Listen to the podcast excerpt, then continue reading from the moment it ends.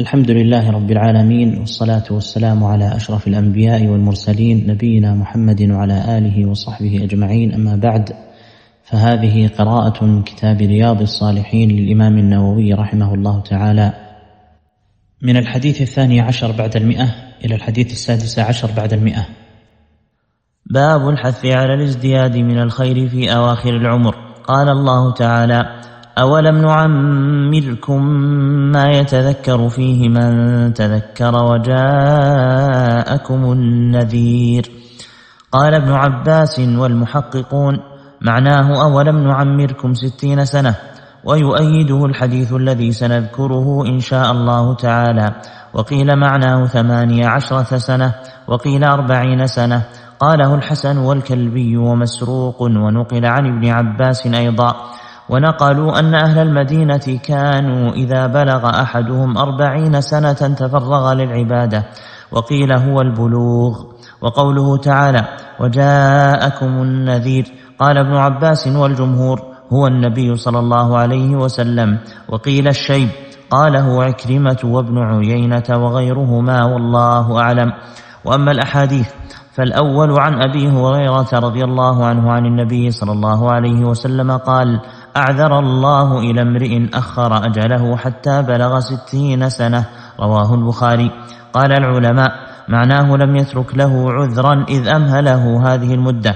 يقال أعذر الرجل إذا بلغ الغاية في العذر. الثاني عن ابن عباس رضي الله عنهما قال كان عمر رضي الله عنه يدخلني مع أشياخ بدر فكأن بعضهم وجد في نفسه. فقال لم يدخل هذا معنا ولنا أبناء مثله؟ فقال عمر إنه من حيث علمتم فدعاني ذات يوم فأدخلني معهم فما رأيت أنه دعاني يومئذ إلا ليريهم. قال ما تقولون في قول الله إذا جاء نصر الله والفتح؟ فقال بعضهم أمرنا نحمد الله ونستغفره إذا نصرنا وفتح علينا. وسكت بعضهم فلم يقل شيئا. فقال لي أكذلك تقول يا ابن عباس؟ فقلت لا.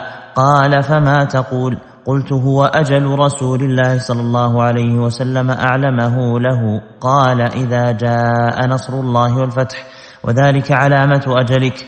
فسبح بحمد ربك واستغفره إنه كان توابا. فقال عمر رضي الله عنه ما أعلم منها إلا ما تقول. رواه البخاري. الثالث عن عائشة رضي الله عنها قالت ما صلى رسول الله صلى الله عليه وسلم صلاة بعد أن نزلت عليه إذا جاء نصر الله والفتح إلا يقول فيها سبحانك ربنا وبحمدك اللهم اغفر لي. متفق عليه.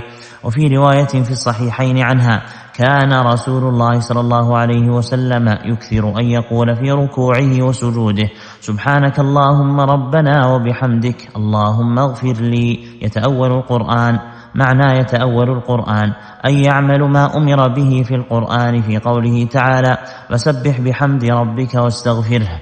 وفي رواية لمسلم كان رسول الله صلى الله عليه وسلم يكثر أن يقول قبل أن يموت سبحانك اللهم وبحمدك أستغفرك وأتوب إليك. قالت عائشة رضي الله عنها قلت يا رسول الله ما هذه الكلمات التي أراك أحدثتها تقولها؟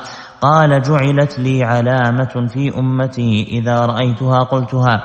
إذا جاء نصر الله والفتح إلى آخر السورة.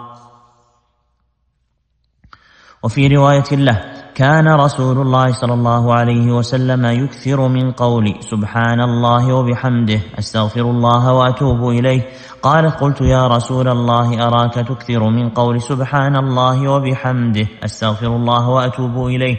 فقال أخبرني ربي أني سأرى علامة في أمتي فإذا رأيتها أكثرت من قولي سبحان الله وبحمده أستغفر الله وأتوب إليه فقد رأيتها إذا جاء نصر الله والفتح فتح مكة ورأيت الناس يدخلون في دين الله أفواجا فسبح بحمد ربك واستغفره إنه كان توابا. الرابع عن أنس رضي الله عنه قال إن الله عز وجل تابع الوحي على رسول الله صلى الله عليه وسلم قبل وفاته حتى توفي أكثر ما كان الوحي. متفق عليه. الخامس عن جابر رضي الله عنه قال قال رسول الله صلى الله عليه وسلم يبعث كل عبد على ما مات عليه. رواه مسلم.